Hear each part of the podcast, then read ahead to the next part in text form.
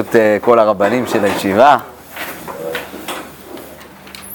אנחנו בעזרת השם, בשיעורים הכלליים, אני קודם אעשה פה הקדמה לטובת כל מי שחדש איתנו, אה, אז בשיעורים הכלליים בעזרת השם, זה ככה, קודם, יש, יש לשיעורים הכלליים שתי מטרות. מטרה ראשונה, קודם כל שיש זמן מסוים שכל הישיבה לומדת ביחד.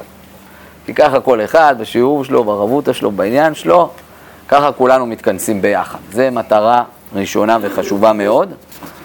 מטרה שנייה זה אה, בעזרת השם, באמת לעסוק בשורה של סוגיות. השיעור יש בו מימד של אה, חירות, אני קורא לזה. כלומר, אני יכול לדבר על מה שבא לי, כן?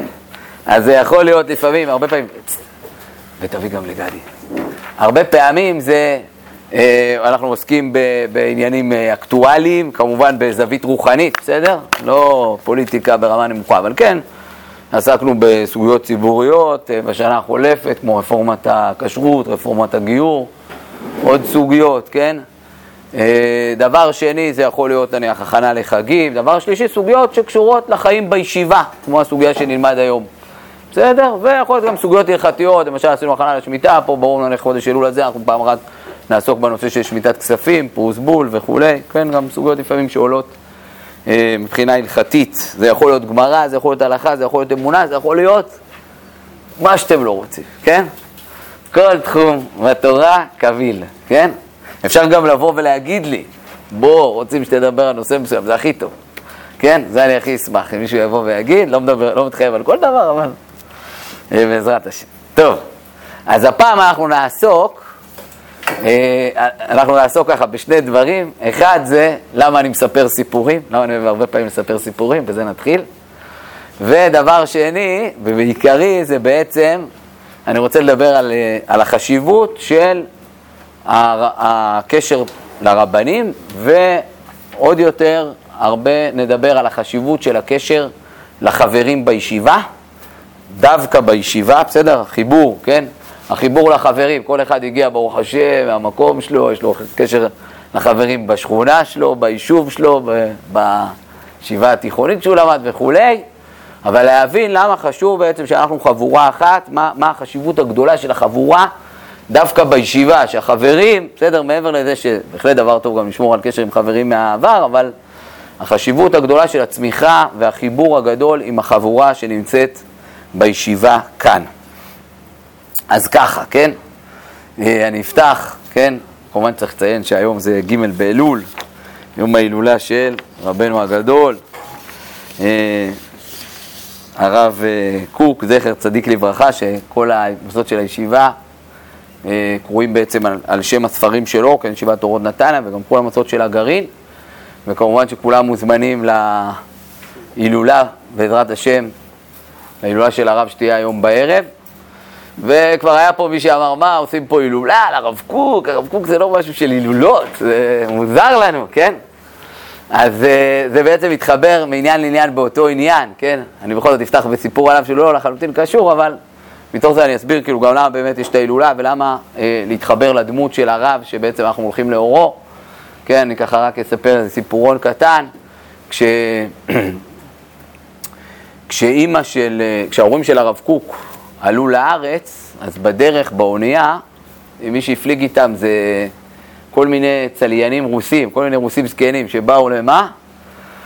לפקוד את כנסיית הפגר שלהם פה בארץ, כן? של הנוצרים.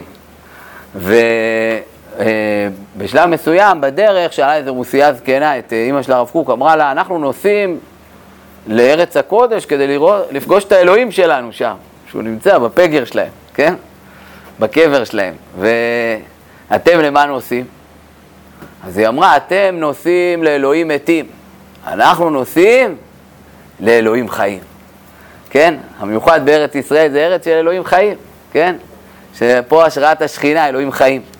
ובאמת, אבל כתוב איך פוגשים את אותם אלוהים חיים? פוגשים דרך אנשים, דרך צדיקים, דרך חיבור עם החיים גם, כן? ו, ובאמת כחלק מהחיבור הזה זה התובנה לפגוש את החיות של הצדיקים, וגם צדיקים שנפטרו, איך פוגשים את החיות שלהם פה. אז פה אני מגיע לעוד נקודה והיא קשורה לעניין של הסיפורים. למדתי את זה ממורנו הגדול, מורי ורבי, כן? הרב אה, רב אברום שפיר, הרב אברהם שפיר, זכר צדיק לברכה, הרב הראשי לישראל ראש ישיבת מרכז הרב, זכיתי ללמוד ולספוג ממנו. והוא היה מספר סיפורים גדול מאוד, כן? היה, זה היה אצלו ממש, אה, היה גם גדול בסיפורים ומשקיע בלקרוא סיפורים. סיפר לי הרב של אה, נתניה, הרב קלנבר, שהוא, שהוא קרוב משפחה שלו רחוק, הוא סיפר לי שפעם אחת הוא עזר לו, הוא יצא לנופש, רב אברום, אז הוא אמר, עזרתי לו לסחוב את הספרים שהוא לקח לנופש. אז היה בספרים סיפורי, היה בספרים אה, כמובן ספרי לימוד, אבל היה שם גם ספרים של סיפורי צדיקים, כן? ומה העניין בזה? פעם אחת שמעתי ממנו סיפור שביטא בעצם, הסביר למה הוא ראה בדבר הזה כל כך חשיבות. אז uh, הוא סיפר, היה אחד מגדולי הפוסקים שבכל הדורות, זה בעל השאגת אריה. שרת היה אדם גדול מאוד, תדעו לכם, הוא כל חודש הוא עבר על כל הש"ס. כן, זה אומר שהוא למד ביום משהו כמו 84 דף. בימי חייו הספיק למעלה מאלף פעם לעבור על הש"ס, כן? עד כדי כך. ו... אה, אז, אז מספרים עליו, היה פעם אה, רב אחד, אחרי שכבר השאגת אריה נפטר, היה רב שבכל שיעור היה מצטט משהו מהשאגת הרי. כל שיעור, אין, שיעור פק"ל, היית רואה שיעור בעיון, אין, כל יום פק"ל, ציטוט מהשאגת הרי. פעם אחת לפני השיעור, אותו רב נרדם פתאום. והנה בחלומו בא אליו השאגת אריה. אומר לו, היום אל תטריד אותי. אל תטריד אותי. אז הוא התעורר, אמר, מה זה החלום המוזר הזה? באותו זמן עדיין הבן של השאגת אריה היה בחיים, והיה רב בעיר אחרת. אז הוא שלח לו מברק, לא היה טלפונים, אבל מברקים כבר היה, הוא שלח מברק לאותה עיר. תגידו, מה שלום הרב שלכם? שלחו לו מברק חזרה, היום הרב שלנו נפטר. ואז הוא הבין את כל העניין, כי כתוב שכשאדם עולה לשמיים, כל המשפחה שלו באה לקבל, הנשמות כמובן, באות לקבל את פניו. אז שאל, רב אברום מספר אחד המעלות הגדולות, אחד הדברים הגדולים גם שלמדנו ממנו, זה לא רק שהוא היה מספר סיפורים, אלא הוא ידע לשאול לפעמים איזו שאלה חריפה כזאת ולתת לך עומק חדש בתוך הסיפור וללמוד מזה משהו. אז הוא שאל שאלה מאוד פשוטה, אמר, מה זה היום אל תטריד אותי? מה זה קשור? כאילו, אתה מצטט ממנו משהו, נו, מה הבעיה? מה זה מפריע לשאגת הרי?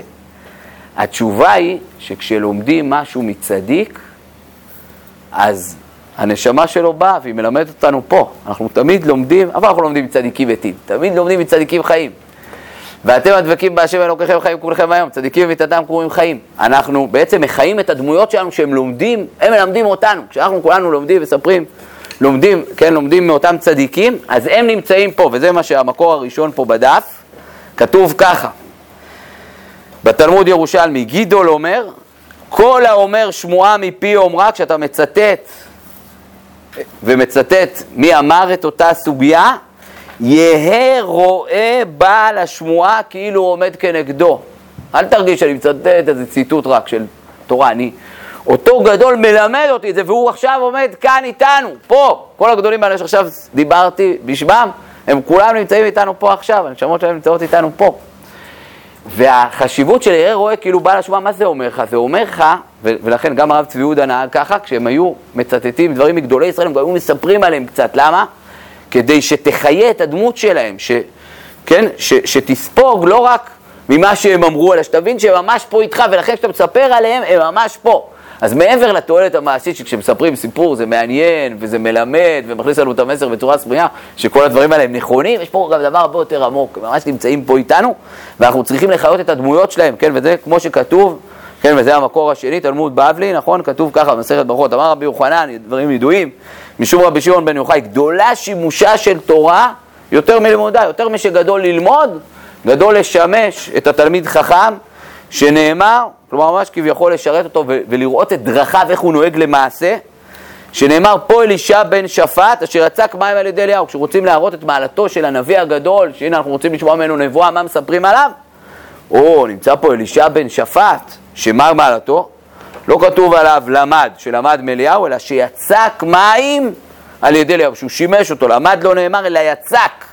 מלמד שגדולה שיבושה של תורה יותר מלימודה, כן, וכמו שמי שירש את יהושע בן נון, את uh, משה רבנו זה יהושע בן נון ששימש אותו, כן? כי הוא למד וחי את דרכיו, כן? וזה העניין של...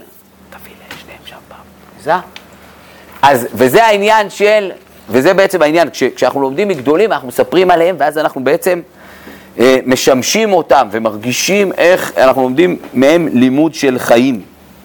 ומתוך אותו לימוד של חיים שאני מדבר עליו, אז זה כמו שזה לימוד מהחיים, אה, מהחיים כאילו של הצדיקים הללו, של הדורות הקודמים, אז זה גם לימוד מהחיים שלנו, כן? כי החיבור של תורה הוא לא רק חיבור שבאנו ולמדנו ביחד, אלא חיבור שאנחנו חיים ביחד. בעצם זה שאנחנו חיים חיים של תורה ביחד, זה עצמו נותן לנו את החיבור אל התורה. ופה אני מגיע לנושא של החיבור עם הרבנים, והרבה מאוד גם החיבור עם החברים. ופה אני רוצה לגלות לכם סוד. סוד גדול שהאמת היא שלי הוא התחדש השנה. לא סתם התחדש בבין הזמנים. כשהתחדש אמרתי, וואו, חייב לדבר איתכם עליו. כן? ומה הסוד?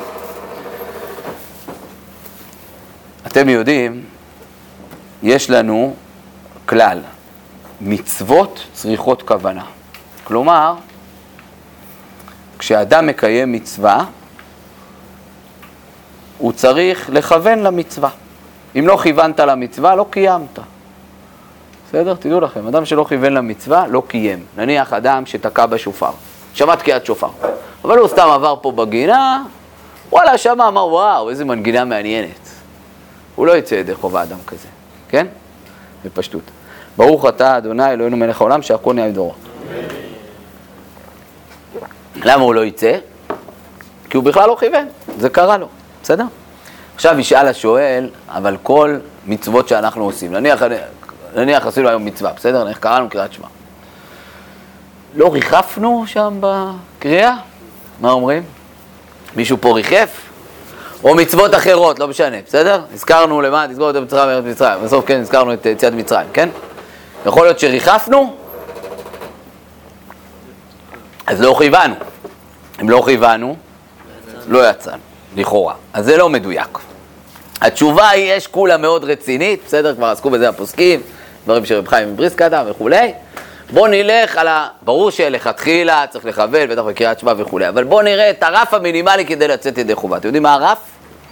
הרף הוא הכי מינימלי כדי לצאת במצווה ידי חובה, שנדע שמקיימים מצווה. כלומר, שאם ישאלו אותך, מה עשית פה? תענה, קראתי קריאת שמע. אה, כל הבעל ריחפתי. כן, אבל אם יראו אותך, בשביל מה אתה עושה את זה? מה זאת אומרת? יש מצוות קריאת שמע. או! אז גם אם לא חשבת, אבל בגדול עשית בשביל זה, נכון? מה עשית בבית כנסת בראש השנה? מה זאת אומרת? שמעתי תקיעת שופר. או, יצאת. בסדר? גם אם באותו רגע, למרות שזה תמיד רואים, לכוון, יצאתי, כן? אבל יצאת. אבל אם אחד בכלל לא יודע שיש פה מצווה, הוא באמת לא יצא. בסדר, לכן, תדעו לכם שיש חשיבות מאוד גדולה לדעת איזה מצוות אנחנו מקיימים. כי יכול להיות שאנחנו עושים דברים, אנחנו לא מקיימים, כי אנחנו לא יודעים שזה מצווה בכלל. אז בואו אני רוצה לגלות לכם סוד, וזה הסוד של זה. שתדעו לכם שיש פה מצווה שאתם מקיימים כשאתם באים לישיבה, שאפילו אולי לא ידעתם אותה. אבל עכשיו אנחנו נלמד עליה ואתם תדעו אותה, כבר הרווחתם בזכות השיעור הזה, שכל שנייה עכשיו שאתם בישיבה, אתם תקיימו עוד מצווה. חוץ מכמובן, אם אני אשאל אתכם למה באתם לפה, מה נניח כולם יענו לי הכי פשוט איזה מצווה לקיים פה? מצוות מה? תלמוד תורה. נכון? או, אז זה ודאי כולם מקיימים פה, נכון? אממה, זה מקיימים כשלומדים, כשלא לומדים. יושבים בחוץ עם החבר'ה, קצת, אולי לא מקיימים, כן? מה שאני אגיד לכם עכשיו, אתם תקיימו אפילו כל הזמן. אז בואו נראה, כן? אבל בשביל זה צריך להכיר את המצווה, אז בואו נראה. אז תדעו לכם, יש מצווה בתרי"ג מצוות שנקראת ככה. את השם אלוקיך תירא, אותו תעבוד, ובו תדבק, ובשמו תשבע. מופיע פה כמה נקודות, יראת השם, עבודת השם, שבועה בשם השם, אבל מופיע פה גם, ובו תדבק. יש מצווה להידבק בהשם. המצווה הזאת מופיעה עוד פעם, כי אם שמור תשמרון את כל המצווה הזאת אשר אנוכי מצווה אתכם לעשותה, לאהבה את השם אלוקיכם ללכת בכל דרכיו ולדבקה בו. יש מצווה להידבק בהשם. עכשיו אני מדלג רגע לרמב"ם. אה, מה, איך מקיימים את המצווה להידבק בהשם? עוד רגע נראה שלפי רוב שיטות הראשונים, לפי הרמב"ם גם, שהוא בסוף מה שנפסק להלכה בסוף, כן? יש מצווה, מצוות בוא תדבק, יש מצווה להידבק בהשם. איך מקיימים את מצוות בוא תדבק? מה, אפשר להידבק בהשם? השם הוא אינסופי! איך אפשר להידבק בו? אז על זה עונה הגמרא במסכת uh, כתובות, שימו לב. עונה הגמרא, תלמוד בבלי מסכת כתובות, אמר רבי אלעזר, בהתחלה הוא אומר, עמי ארצות, מי שלא לומד תורה, לא יחיה בתחילת המתים, עד כדי כך, כי אין לו את הכוח של התורה, כוחו של חיבור להשם. אינם חיים, שנאמר, מתים בל יחיו. אמר לו רבי יוחנן, לא ניחא למראה יהודה אמרת לו אחא. כלומר, הקדוש ברוך הוא לא מתלהב ממך, מה זה? אמרת, הפכת חלק מעם ישראל לכאלה שלא יחיו בתחיית המתים? מה זה הדברים האלה? אתה מקטרג על ישראל. מה זה, כל יהודי יחיה, מה זה הדבר הזה? כיוון דחזי דקה מצטער, אמר לו רבי, מצאתי להם תקנה, מצאתי תקנה מן התורה. מה? ואתם הדבקים בהשם אלוקיכם חיים כולכם היום. וכי אפשר להידבק בשכינה? כלומר, כתוב פה שמי שמקיים מצוות בוא תדבק, נאמר עליו, ואתם הדבקים בהשם אלוקיכם, זה מצווה כל כך גדולה שבזכותה חיים בתחיית המתים. חיים כולכם היום! בזכות זה תחיו בתחיית המתים, בזכות המצווה הזאת. איך, אפשר להידבק בשכינה? והכתיב כי השם אלוקיך אש אוכלה, וואלה זה מפחיד, הוא אש! מישהו אמר לי שהיה פעם בהרצאה של, אה, לא, לא אזכיר איזה מרצה כזה, שנכנס באנשים, ככה מחזיר בתשובה כזה, שמכסח. והוא דיבר, תשמע, מי שלא ישמור, יכתוב גיהנום, טח, טח, טח, טח, טח. ואז הוא אמר לו, אמר לו, אותו יהודי הצביע ככה אמר רב, זה, אותי לימדו, יש גם את העניין של אהבת השם, לי דווקא חיבור עם השם הולך באהבה, בטוב. אז הוא אמר לו, מה? השם זה כמו חשמל, חשמל אוהבים, לא, הם מכניסים את היד, טראח, בוא. כן, השם אמר שחולר, מה זה טוב קו? מה, איך הגעת? אז בוא נראה, אבל הגמרא לא אומרת ככה. השם אלוקיך יש אוכלה, אלא מה? כל המשיא ביתו לתלמיד חכם, אדם שמתחבר עם תלמידי חכמים, מחדד הבת שהוא עם תלמיד חכם, עושה פרקמטיה לתלמידי חכמים, עושה מסחר, אז דווקא משתדל עם תלמידי חכמים כדי שהם ירוויחו גם. והמענה תלמידי חכמים מנכסיו, מעלה עליו הכתוב כאילו מדבק בשכינה. כיוצא בדבר אתה אומר להווה את השם אלוקיך ולדבקה בו, הפסוק שאמרנו, וכי אפשר לאדם להידבק בשכינה? אלא כל המשיא ביתו לתלמיד חכם ועושה פרקמטיה לתלמידי חכמים והמענה תלמידי חכמים מנכסיו, מעלה עליו הכתוב כאילו מדבק בשכינה.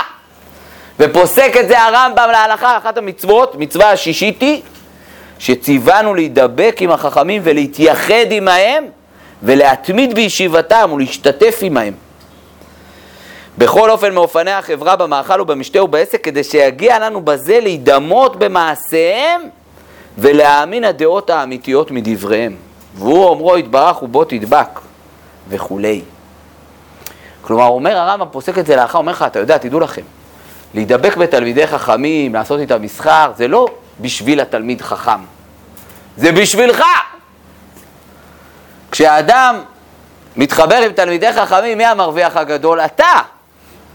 כן? כי על ידי זה אתה לומד, נדמה אליהם במעשה, מאמין בדעות האמיתיות, לאט לאט לומד מהמחשבות שלהם ומהאורחות חיים שלהם, ואתה דרך זה נדבק בשכינה.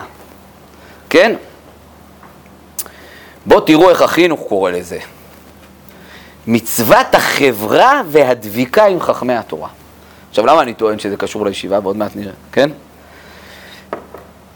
כי אחד יכול להגיד, שמע, אבל אצלנו בישיבה, תראה, בוא נודע על האמת, אנחנו לא, קודם כל לא כאלה חכמי תורה גדולים. וגם, לא תמיד אנחנו כאלה מושלמים, לפעמים אנחנו יושבים בחוץ, עושים קצת שטויות, כאילו, מה זה? כן, אבל אם תסתכלו טוב, בסוף בישיבה, מה הסיבה שאנשים מתאספים ביחד? כדי להידבק רוחנית. כלומר, כל הקיום של החברה הזאת בעולם בכלל. למה בכלל אנחנו פה? מה הסיבה שלנו פה? כשאנחנו יושבים בחבר'ה ביישוב, מה מחבר אותנו? כולנו מאותו יישוב. כשאנחנו פה בסוף, מה חיבר אותנו? להיות מבקש השם, התורה. כלומר, באנו כדי להידבק עם חכמי התורה ועם חברה של תורה. ואנחנו מקיימים בזה מצוות, ובו תדבק. כי זה בסוף משפיע לנו על החיים, כי זה לא רק באנו ולמדנו. אלא באנו וחיינו תורה והסתובבנו בסביבה של תורה ולאט לאט אנחנו מתרוממים. ואז אנחנו מקיימים מצוות דבקות. אתם יודעים שאומרים ש... אולי אפילו שמעתי את זה מעצמי, מרב רום שפירא. נניח בוא ניקח זוג, בסדר? הגבר, כאילו, ברוך השם, זוכה, אשתו נותנת לו, הוא זוכה להיות אברך, להיות וכולי, בקיצר, זוכה לשבת באוהלה של תורה. הוא הולך לישיבה ללמוד. אשריו.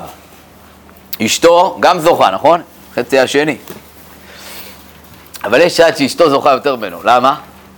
כי הוא נניח יושב, לומד, יש זמנים שהוא לומד, יכול להיות שיש גם זמן שהוא לא למד. הזמן שהוא למד, אשריו נדבק בתורה, הזמן שהוא לא למד, לא למד. אשתו לעומת זאת הקריבה שמה? זה נכון לכל אחד, גם בא לשיעור תורה, לא משנה, בערב, כן, גם אדם, כל אדם, כן? אם חצי מהזמן למדת חצי התבטלת, אז על החצי שזה, היא, היא כל הזמן שלחה את, מהבחינה הזאת, נתנה לבעיה ללמוד. אותו דבר פה. כל אחד שנדבק פה, זה כל הזמן, בוא תדבק. כן? כמובן שהכי טוב, כמובן, לקיים את המצווה של הדבקות בבית מדרש, כן? אבל, אה, אבל זה עצמו מחלחל, זה משפיע. כן? עכשיו תראו, כתוב פה, כן? אני אקרא רגע עוד בחינוך, שנצטווינו להתחבר ולהידבק עם חכמי התורה, שנלמוד עמהם מצוות, מצוותיו וכולי, ואז אני קורא, כן? עובר לשורה הבאה, ונוהג את מצווה זו בכל מקום, בכל זמן, בזכרים וגם הנקבות, גם נשים צריכות לשמוע דברי חכמים.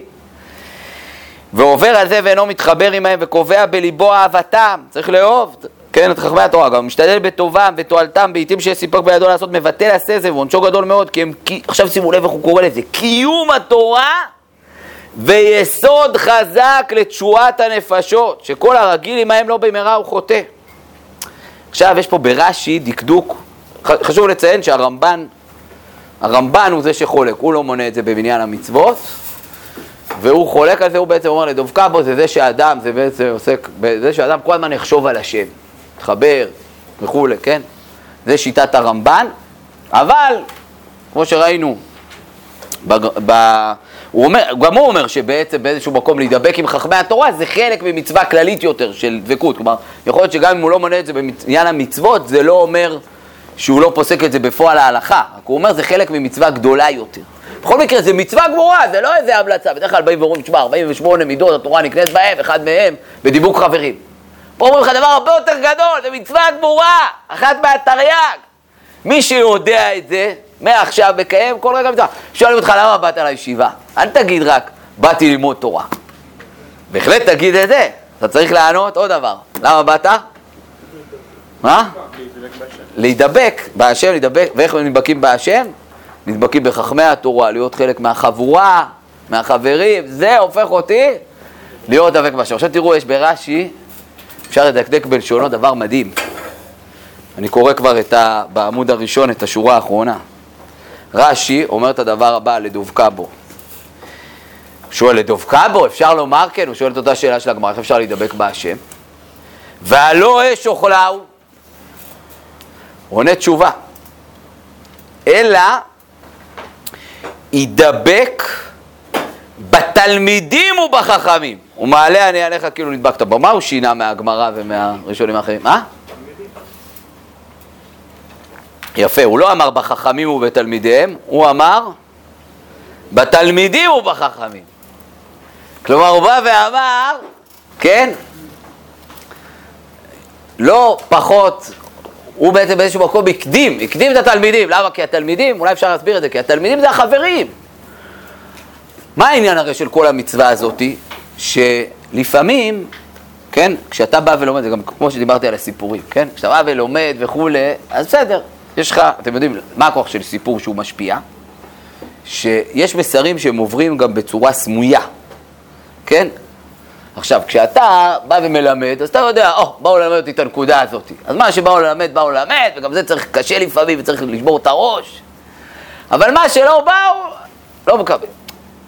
לעומת זאת, בסיפור, כאילו, זה נכנס לך ככה בצורה סמויה, זה גם לפעמים הסכנה הגדולה, נכון? זה הרי העניין של הפרסומות, נכון? כל אחד אומר לעצמו, שמע, פרסומות עליי, בכלל לא עובד, נכון? מה, כן? אבל אתם יודעים שעשו נניח, אה, היה פעם למשל עשו ניסוי, כן? יש, אה, כשמקרינים אה, סרט, כן? אז איך סרט עובד? זה בעצם המון המון המון תמונות, נכון? שפשוט רצות מאוד מהר, ואז זה נראה לך כאילו זה זז. אז מה עשו? כן, הן רצות במהירות של 24 תמונות לשנייה. בן אדם מסוגל לקלוט שזה הרבה תמונות ולא המשך, כשזה 16 תמונות לשנייה. אז עושים 24 ואז בן אדם לא קולט. מה עשו? לקחו אחת מה-24 תמונות, שמו שם תמונה של קוקה קולה. פרסומת לקוקה קולה. אנשים שראו את הסרט בכלל לא ידעו שהם ראו פרסומת של קוקה קולה. כמו שאתם עכשיו לא קולטים שאני עושה פרסומת לקוקה קולה, אבל שילמו לי פשוט לפני השיעור כדי uh, לדבר על קוקה קולה דווקא, כן? בכל מקרה, בקיצור, פרסומת לקוקה קולה, כן? אחרי, אחרי הסר, היה הפסקה, כן? יצאו לקנות. מה ראו? שרף המכירות של קוקה קולה עלה. כלומר, זה נכנס אלינו בצורה סמויה, כן? אותו דבר סיפור, סיפור לך בצורה סמויה. אותו דבר, כשאתה חלק מחברה, הכל נכנס לך בצורה סמויה, נכון? אז באיזשהו מקום, על להידבק בתלמידים של החכמים, זה כאילו יותר, החכמים באים מלמדים אותם, אנחנו יודעים שהם החכמים, אבל החבר'ה, לא, אבל אם החבר'ה הם בסוף, החיבור שלהם הוא מסביב לתורה, והתחברנו מסביב לתורה, שאנחנו חלק מהחבורה מסביב לתורה, גם אם אנחנו אולי לא מושלמים, זה נכנס אלינו מכל הזוויות, מכל החורים. אתם יודעים שהיה בזמנו אחד מגדולי המשגיחים בעולם החרדי, קראו לו הרב יחזקאל לוינשטיין, מה שנקרא רב חצקלה לוינשטיין, בסדר? הוא היה, הייתה בזמנו ישיבה גדולה, עד היום היא קיימת, היום היא עוד יותר גדולה אפילו, ישיבת מיר, כן? הם בזמן השואה ברחו בניסי ניסים, קיצור, הגיעו לסין, ניצלו שם כמה מאות בחורי ישיבות, הוא היה איתם וכולי, ואחרי השואה עלתה השאלה לאן הולכים, בסדר? אז האמת שכבר ראש הישיבה היה פה בארץ, אמר צריכים לבוא לארץ ישראל, אבל הייתה קבוצה שהיא הלכה בהתחלה לארצות הברית. וביניהם היה אה, אה, הרב יחזקאל אבנשטיין. הוא הגיע לשם, ואחרי ממש כלום, הוא אמר, אני לא יכול להמשיך פה, אני הולך לארץ ישראל. והוא הסביר למה. הוא אמר, תשמעו, אמרו לו, אמר, תשמע, אין פה, אני לא יכול בכלל לקלוט פה תורה וקדושה בארץ הזאת, כלום, אני, אין פה שום תורה וקדושה. אמרו לו, אבל הרב, אתה פה בתוך הישיבה, וכל הזמן נמצא בישיבה, אתה קולט תורה וקדושה. הוא אמר, לא. הוא אמר, משל למה הדבר דומה? הוא אמר, תדעו לכם, לפעמים נניח יש בן אדם, בשביל שאדם משתכר מיין. אז יש אחד מביאים לו יין, הוא שותה, משתכר. ויש מצב לפעמים שבן אדם נכנס למרתף של יין ומריח שם את כל היינות, וכאילו יש שם כאילו כזה, הכל שם מלא בעדים של יין ואלכוהול, שרק מלהיות שם הוא משתכר. הוא אמר, פה תרומה של ארה"ב, כאילו רק מלהסתובב, אפילו שלפתור הישיבה, אה, זה נכנס לי מכל העצמה, כן? אני אומר, הפוך, בצורה חיובית, כן? החיבור לרבנים ולחברים בישיבה זה עצמו, וואלה, זה נכנס לך מכל הזוויות, עוד לא שמת לב, אחי. לפעמים אתה פוגש אנשים אחרי שנים. מה הם קיבלו כאילו מהישיבה? וואו, תשמע, זה נכנס להם כאילו מכל, ה... מכל הוורידים, מכל העצמות, הם הריחו את העדים. כן, זאת אומרת, לפני מה שהם למדו, כל הדבר הזה השפיע עליהם, ולכן מאוד מאוד חשוב להשקיע בקישור, בסדר? אני אקרא פה, אני בעמוד ב', אומר הרמב"ם, וגם דברים נפסקו להלכה, כן? דרך בריאתו של אדם, אני קורא בפסקה השנייה בעמוד הש... בצד השני, להיות נמשך בדעותיו ובמעשיו אחריו וחבריו, ונוהג כמנהג אנשי מדינתו. לפיכך צריך אדם להתחבר לצדיקים ולשב אצל החכמים תמיד, כדי שילמוד ממעשיהם ויתרחק מן הרשעים ההולכים בחושך, כדי שלא ילמוד ממעשיהם וכולי. ומתוך זה אומר הרמב"ם, מצוות עשה להידבק בחכמים ותלמידיהם כדי ללמוד ממעשיהם. כעניין שנאמר ובוא תדבק וכולי. כן, ואפשר להוסיף על זה גם בעניין הזה של ההשפעה, כמו שאמרתי, שהיא מחלחלת בצורה טבעית. עוד דברים שכותב הרמב"ם בהלכות תלמוד תורה, פרק ג' הלכה ט', שלכאורה עוסקת בנושא אחר, אבל פתאום הוא מכניס גם את זה, הוא אומר לך ככה, דברי תורה נמשלו כמים, כמו מים, שנאמר אוי כל צמא לכו למים, לומר לך, מה מים אינם מתכנסים במקום מדרון, אלא נזחלים מעליו? כלומר, כשיש מדרון אז המים לא נשארים שם, הם פשוט זורמים למטה ומתקבצים למטה, נכון? באיזושהי שלולית למטה. מתקבצים במקום השבורן זה נקרא, השבורן זה מקום כינוס של המים, שלולית כזאת, כך דברי תורה אינם נמצאים בגסי הרוח, מי שמתגאל, ולא בלב כל גבה לב, אלא בדכא ושפל רוח. עכשיו הוא מוסיף עוד משפט, שימו לב. שמתאבק באפר רגלי החכמים. לא סתם אמרו את הלשון, הווי מתאבק באפר רגליהם, כאילו. אתה מרגיש, וואו, תשמע, מכולם אני מקבל בצורה טבעית, כאילו, אני כמו שלולית למטה, ואני כאילו, באפר של הרגליים, זה זורם אליי מלמעלה. אני מקבל את הכל, כן? וכמו שאמר רבי אלעזר בן ערך, אין לנו את הזמן עכשיו לדבר על כל המהלך שלו, אבל כן, מופיע פה בסוף, ממש השורה האחרונה, רבי נהוראי אומר, הוי גולה למקום תורה, אל תאמר שהיא תבוא אחריך. למה? שבמקום תורה שחבריך יקיימוה בידיך, ואל בינתך אל תישען. אז מעבר לכל מה שלמדנו, אני רוצה ככה מתוך זה אולי לדבר ככה בקצרה על נקודה מעשית ובזה נסיים. תראו, אני אספר פה שני סיפורים קטנים. היה לי פעם, אחד החברים שלי סיפר לי שהם במחזור שלהם, היה חלק מהחבר'ה הלכו לישיבות, חלק הלכו לצבא. והם היו מחזור מאוד מגובש, אז החבר'ה מהישיבה היו מוציאים אלון כזה, שהם היו שולחים כל מיני חדשות מהמחזור וגם דברי תורה, וזה שולחים לחבר'ה בצבא. וככה אני פעם קראתי את האלון, כבר היו כמה שנים אחרי, כאילו שהם סיימו ללמוד ביחד, ככה קצת, וואלה, הם השקיעו באלון, כאילו לקח להם זמן. אז הוא סיפר לי, החבר, שאלתי אותו, וואו, איך אתם משקיעים וזה, פש. אז הוא אמר לי, תשמע, אתה יודע, היה לנו אחד החברים, ככה הוא סיפר לי, אחד החבר'ה שלנו בצבא, אמר לי, אתה יודע, ככה הוא סיפר לי, היה זמן בצבא שממש כבר רציתי ליפול, זהו, רציתי לחבור בשאלה, אני יודע מה, ליפול לחלוטין. פתאום ככה הוא סיפר לו, אמרתי לעצמי, מה זה? אני אחד מחבורה כזאת, יש לי חברים, פה הם חלק מהחברים שלי, הם מסתכל ברמה כזאת, אני לא יכול ליפול ככה. הוא אמר, זה מה שחיזק אותי. אספר עוד סיפור, סיפר לי מישהו גם לאחרונה. הוא אמר לי, תשמע, הוא גדל במשפחה, המשפחה כולם כאילו יראי שמיים, אבל גם ספגו הרבה חינוך ותורה מההורים, כן? הוא אמר, היה פעם, עשינו ביחד איזה מפגש של כל המשפחה. אחרי הרבה שנים שלא נפגשנו ביחד, לכבוד יום הולדת של אחד ההורים. פתאום ישבנו כאילו ההורים ואנחנו האחים כמו כשהיינו ילדים. הוא אמר, פתאום התחזקתי. פתאום, כאילו, אין, האמונה והשם, זה הכל היה ברור, כן? כמו כשהיינו ילדים. אני אומר, לפעמים כשאתה חלק מחבורה שהיא מחפשת תורה, זה עצמו מחזק אותך, הופך אותך לחלק, ולכן מה החשיבות של זה? החשיבות של זה, שוב פעם, אין כמו החבורה בישיבה, בסדר? יש לך חברים מפעם, מי שבא ואומר, תשמע, החברים שלי, אתה מדבר על החברים של פעם, זה יפה, החברים של פעם. השאלה מסביב למה החברים של פעם התאספו. החברים בישיבה התאספו ביחד, התאספנו פה ביחד, כולנו מסביב לתורה. אז עצם זה, כשאנחנו משקיעים בחיבור של החבורה, בלהיות חלק מהחבורה פה בישיבה, זה גדול ואדיר. אנחנו מקיימים מצוות ובוא תדבק, וזה עצמו מרים ומחבר אותנו, מקשר אותנו לקדוש ברוך הוא. שנזכה בעזרת השם. חזק וברוך.